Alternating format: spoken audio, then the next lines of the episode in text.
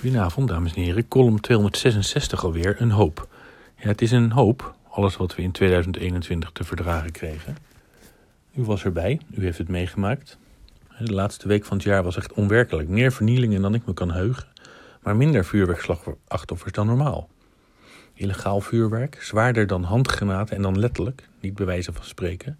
Gewoon in de binnenzak van kinderen bij u en mij in de buurt.